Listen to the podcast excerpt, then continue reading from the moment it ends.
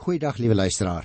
Ons praat vandag oor 'n baie belangrike aspek, naamlik wat Paulus hier noem in die Bybel in Romeine, die 12de hoofstuk van die 9de vers af, riglyne vir die Christelike lewe.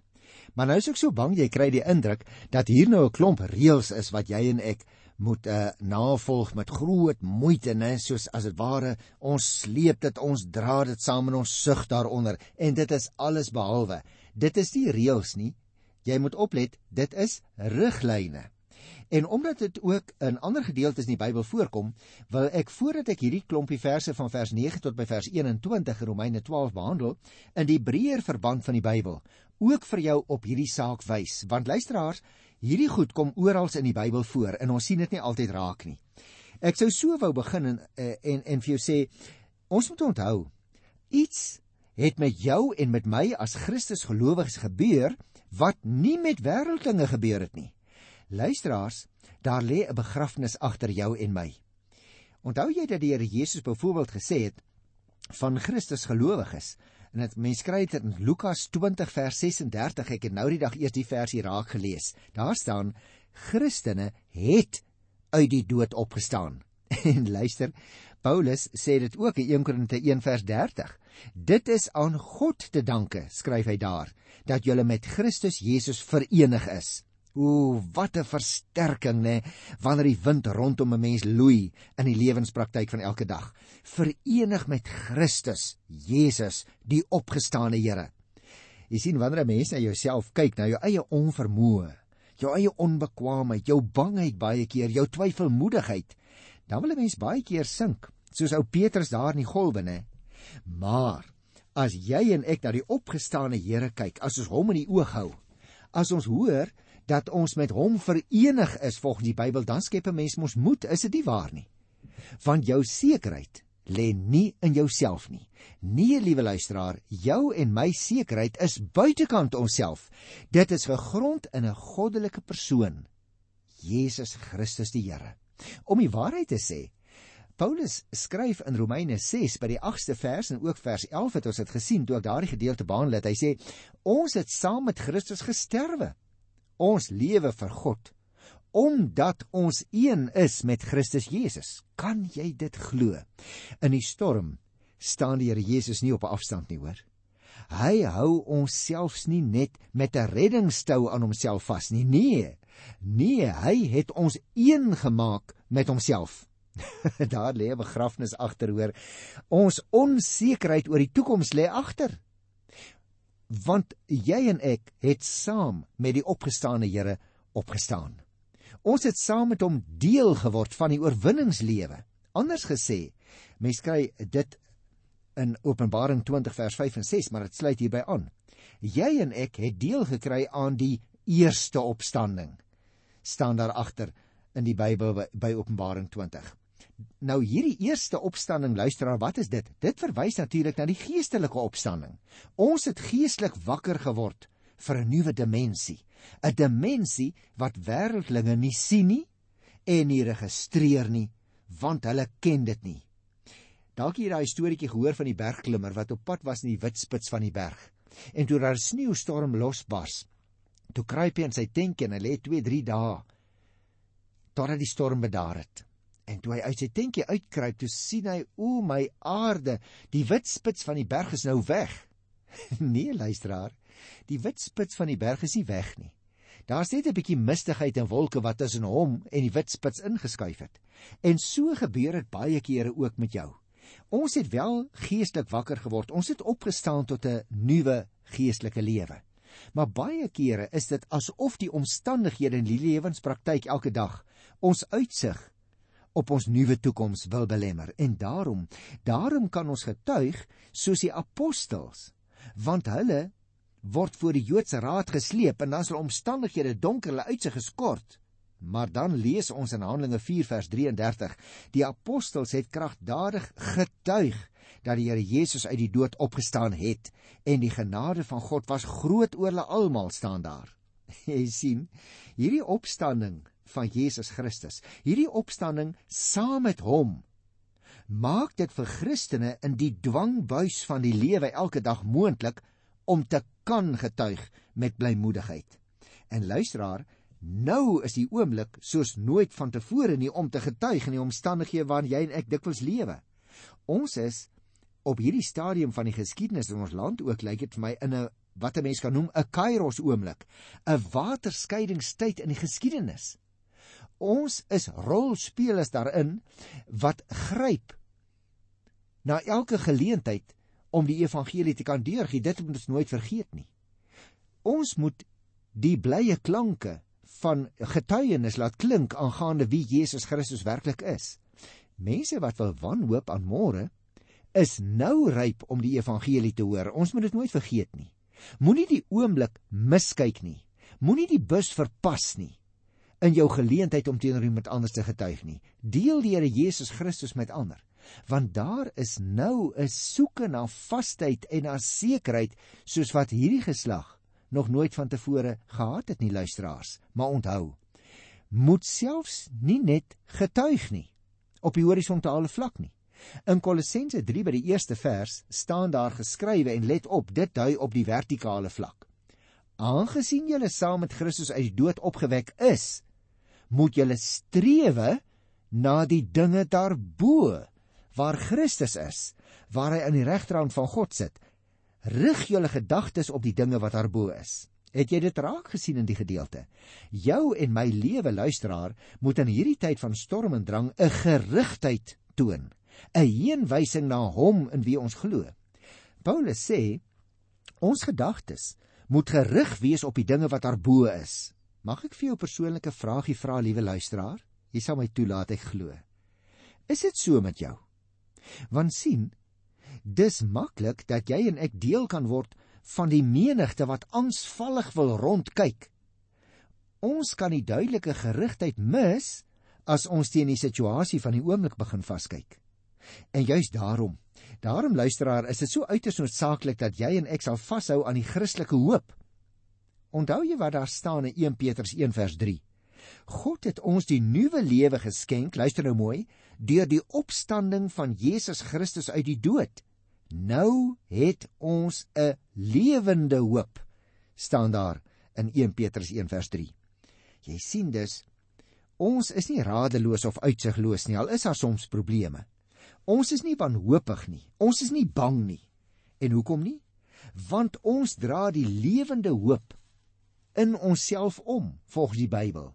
En Christus wat ons hoop is, het as dit ware dit laat afvryf op ons, op ons lewenspraktyk, ook al word dit soms nag oor ons. Christus is ons hoop. Selfs al sou die hel van woede rondom ons blaak, dan mag ons nog steeds hoop. Kom ek sê dit op 'n ander manier luisteraar.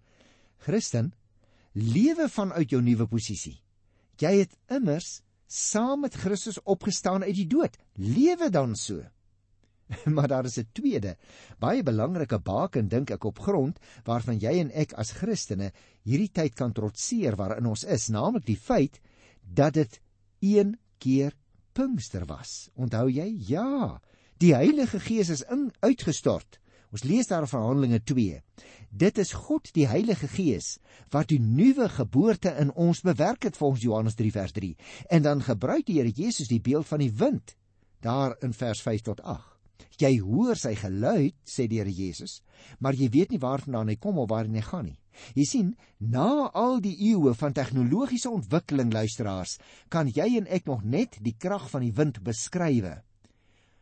Kyk maar hoe koringlande gegolf word wanneer die wind daaroor waai. Hoe woudreuse wat eeue kon trotseer, buig en buig en uiteindelik kraak voor die krag van die wind.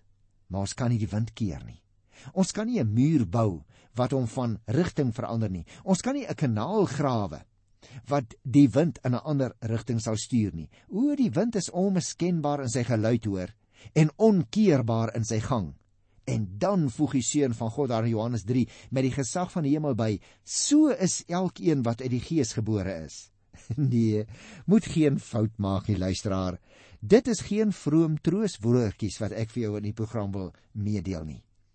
Want Paulus roep in 1 Tessalonisense 4 vers 8 baie belangrike ding uit. Hy sê God het sy Heilige Gees aan julle gegee. En vir die Korintiërs skryf hy in 1 Korinte 3 vers 16 Ons is die tempel van God en die Gees van God woon in ons. Jy verstaan dus, sterker as die suidoos van die Goeie Kaap en sterker as die storm wat elke dag iewers oor ons land woed, is die krag van die Gees van God wat in jou en in my woon volgens die Bybel. En daarom moet ons dit nooit vergeet nie. Maar jy moet mooi oplet luisteraar. Die Bybel hou nie op deur bloot 'n wonderlike stuk lering te gee nie. Ons mag nie net maar passief bly in die wete dat die Gees van God in ons binneste woon nie. En daarom kry die oproep ook in Galasiërs 5:16 nuwe betekenis. Laat julle lewe steeds deur die Gees van God beheers word. Wat beteken dit? Ken jy die storie van die ou wat in die vliegtyg was toe die donker wolk sonder die silwer randjie op die horison verskyn? Toe die storm opkom, wil hy as dit ware oorskuif, die stuur van die vliegtyg vir iemand anders gee. Nou dit doen 'n geesbeheerde Christen nooit. Mag ek vir jou nog 'n vragie vra? Woon die Heilige Gees net in jou? Of regeer hy al jou lewe? Jy sien per slot van sake het jy en ek in hierdie tyd aangekom in die voorhoede van die tyd waarin die geestelik gesproke die seuns van die manne geskei gaan word. Mense wat dikwels vir lang tye maar net saam gery het op die wa, gaan geleidelik begin afval geesbeheerde Christus gelowiges, liewe luisteraar, se stemme sal egter nooit stil gemaak kan word nie. En hulle getuienis sal nie ophou om te klink te midde van die geloei van die wind nie.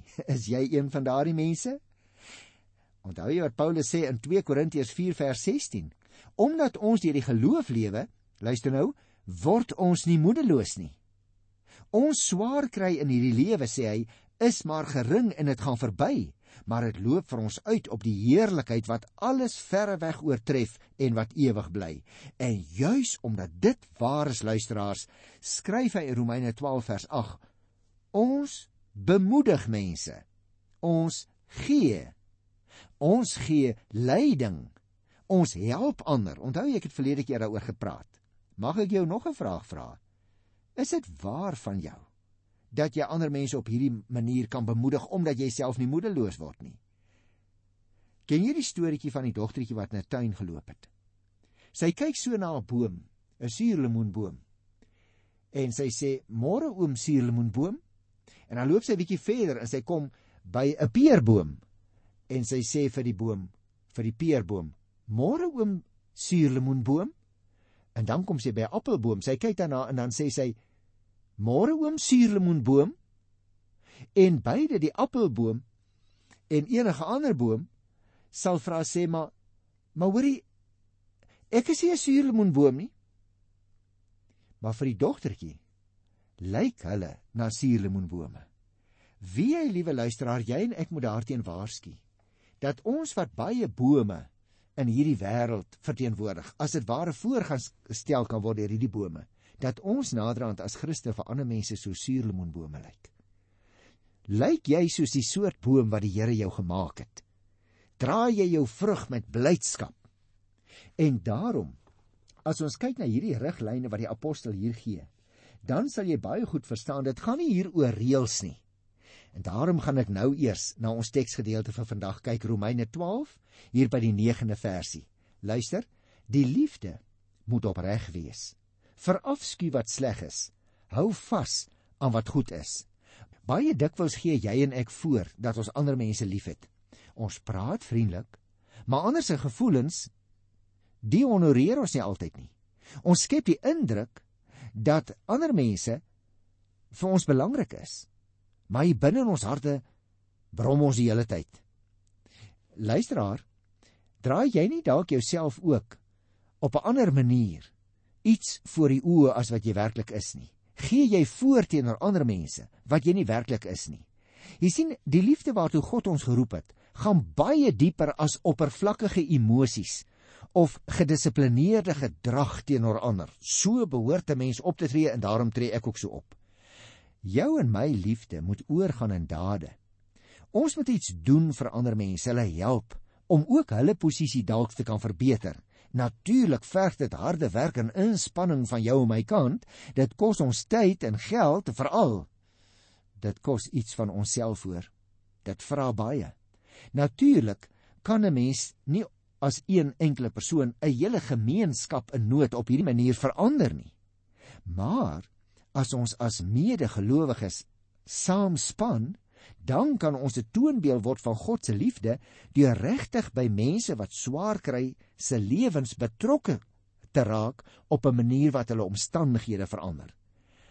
Daarom wees sensitief vir mense wat 'n bewys van God se liefde in jou en in my soek wat Christene is, luisteraar. Die liefde word hier in die 9de vers gegee as 'n riglyn vir die Christelike lewe en dit word vooropgestel dat dit vir ons baie baie belangrik is. Luister weer daarna, die liefde moet opreg wees. Dit gaan is hier, luisteraar, om die liefde wat op die horisontale vlak na vore kom. Dit wil sê, die liefde soos dit beoefen word teenoor die medemense in die algemeen, maar veral teenoor medegelowiges. En hierdie liefde sê die apostel moet opreg wees. Dit moenie 'n skyn hê van opregtheid nie. Hierdie liefde moet opreg wees. Eg en suiwer wees met ander woorde, sonder gefeinsheid en bymotiewe. Die volgende twee opdragte wat hy nou gaan gee, wat ek nou nog gaan lees, sal jy sien spesifiseer verder wat die aard van egte liefde is. Dit vergoelik nie die slegte tot pabroekige weekhartigheid nie. Nee, dit word gekenmerk deur 'n beslisheid ten opsigte van wat sleg en goed is. Daarom sê hy in vers 9b: "Verafskuw wat sleg is." En dan hou vas aan wat goed is. Luister na die 10de vers. Betoon hartlike broederliefde teenoor mekaar. Bewys eerbied teenoor mekaar. Wees mekaar daarin tot voorbeeld. Ooh, eerbiedbetoning word dikwels verkeerdelik deur mense gesien as 'n blote meganisme. Iets wat gebruik kan word om eie voordeel te trek. Jy sou byvoorbeeld eerbied aan jou baas by die werk betoon in die hoop om beloon te word of aan jou werknemers om hulle nog harder vir jou te laat werk. Aan vermoënde mense sodat hulle jou saak sal borg. Aan gesagsdraers sodat hulle gesag vir joue vir my gebruik en nie teen ons nie. nou luisteraar, dit is nie regtige eerbiedbetoning nie, maar dit is niks anders nie as manipulering van mense tot jou eie voordeel. Jou en my motief, luisteraars, om eerbied aan ander te bewys, is omdat ons die beeld van die ander een en die posisie waarin die Here daardie persoon geplaas het, wil honoreer. En daarom vra die apostel vir ywerige eerbied teenoor mekaar. Luister na vers 11 en vers 12. Moenie in julle toewyding verslap nie. Wees altyd geesdriftig. Dien die Here. Verbly julle in die hoop. Staan vas in verdrukking, volhard in gebed. Jy sien, dit gaan hier nie om 'n blote menslike toewyding en geesdriftigheid nie, maar om 'n toewyding en ywer vir die diens en in die diens van die Here. Dit gaan daaroor, liewe luisteraar, dat ons voortdurend daarop ingestel moet wees dat die Here in ons optrede teenoor ander mense ook verheerlik sal word. Die 13de versie verwys na 'n ander aspek. Help die medegelowiges in hulle nood en lê julle toe op gasvryheid. Gasvryheid luisteraar beteken dat mens onderdak aan vreemdelinge gee in die letterlike en in die figuurlike sin van die woord. Letterlik dink maar net liewe luisteraar aan die miljoene mense in ons land wat in opslaan plakkershuisies moet bly of wat vanweë ekonomiese probleme op straat beland.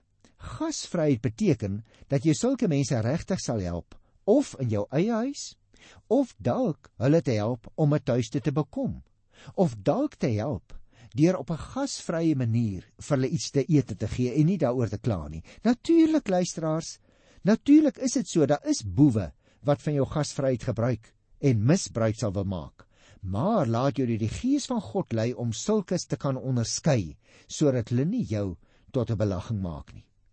Daarom is dit belangrik dat ons vers 13 help die medegelowiges in hulle nood en lê julle toe op gasvryheid baie ernstig sal neem. Vers 14 sê: Seën julle vervolgers. Ja, seën hulle.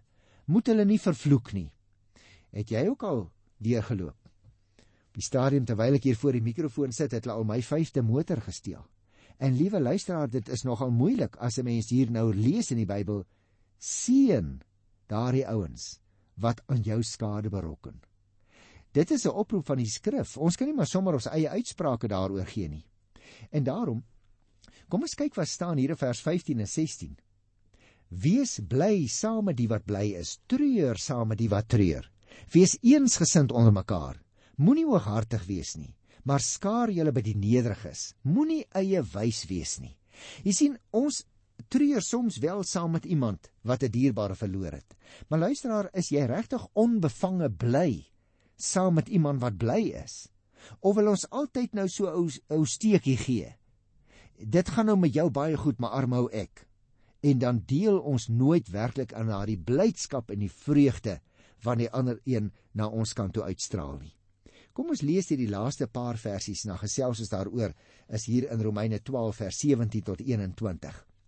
Moenie kwaad met kwaad vergeld nie. Wees goedgesind teenoor alle mense. As dit moontlik is, sover as dit van julle afhang, leef in vrede met alle mense. Moenie self wraak neem nie, geliefdes, maar laat dit toe aan die oordeel van God. Daar staan immers geskrywe en haal Paulus aan, dit is my reg om te straf. Ek sal vergeld, sê die Here. En hy haal weer aan. As jou vyand honger is, gee hom iets om te eet en as hy dors is, gee hom iets om te drink, want deur dit te doen, maak jy hom vuurrooi van skaamte. En nou sluit hy die hoofstuk af deur self toe te voeg in vers 21: Moet jou nie deur die kwaad laat oorwin nie, maar oorwin die kwaad deur die goeie. Dit gaan dus in hierdie verse 17 tot 21 oor jou en my verhouding met buitestanders, in besonder teenoor diegene wat vir ons kwaad aandoen en vir ons skade berokken. Vers 17 tot 21 vat dus in 'n sekere sin luisteraar alles saam wat in hierdie hoofstuk gesê word. Jy moet die kwaad deur die goeie oorwin. Jy sien, die oomblik wat jy die kwaad deur die kwaad wil oorwin, met ander woorde die oomblik wat jy vergeld, dan het die kwaad eintlik vir jou oorwin. En hierdie beginsel word op verskillende maniere toegepas. Byvoorbeeld, goedgesindheid teenoor almal vers 17 in vrede met alle mense leef vers 18 nie vergeld nie vers 19 goed doen aan ons vyand vers 20 jy sien luisteraar 'n wins van hierdie soort optrede is natuurlik dat 'n mens op die duur eerder eer en respek afdwing maar die rede hoekom jy so moet aftree dit gaan veel dieper Dit lê nie net op die oppervlak nie. Jy gee eintlik 'n praktiese demonstrasie van die gesindheid van liefde wat jy ook self van God se kant af ervaar. En so gehoorsaam jy en ek dan die Here Jesus se opdrag en laat hy jou die lig voor die mense wees. Jy en ek is die lig vir die wêreld. Onthou wat hy gesê het in Matteus 5 5 vers 16 tot ons dit behandel het. Laat julle lig voor die mense skyn dat hulle julle goeie werke kan sien en julle Vader wat in die hemel is verheerlik. Met ander woorde, ons moet ons lig laat skyn, maar die lig nie op onsself trek nie. Ons moet die lig op die Here Jesus Christus laat val.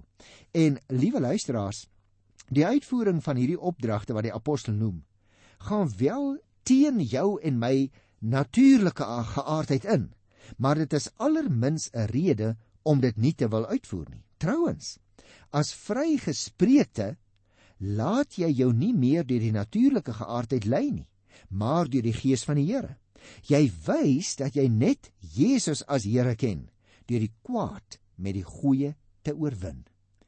Daarom is hierdie verse net soos in die voorafgaande bloot met die onderlinge verhoudings van medegelowiges te maak nie, maar handel dit oor die Christene se vergewende inskiklike vredesoekende verhoudinge met alle mense. Mag ek vir jou 'n vraagie vra ten slotte?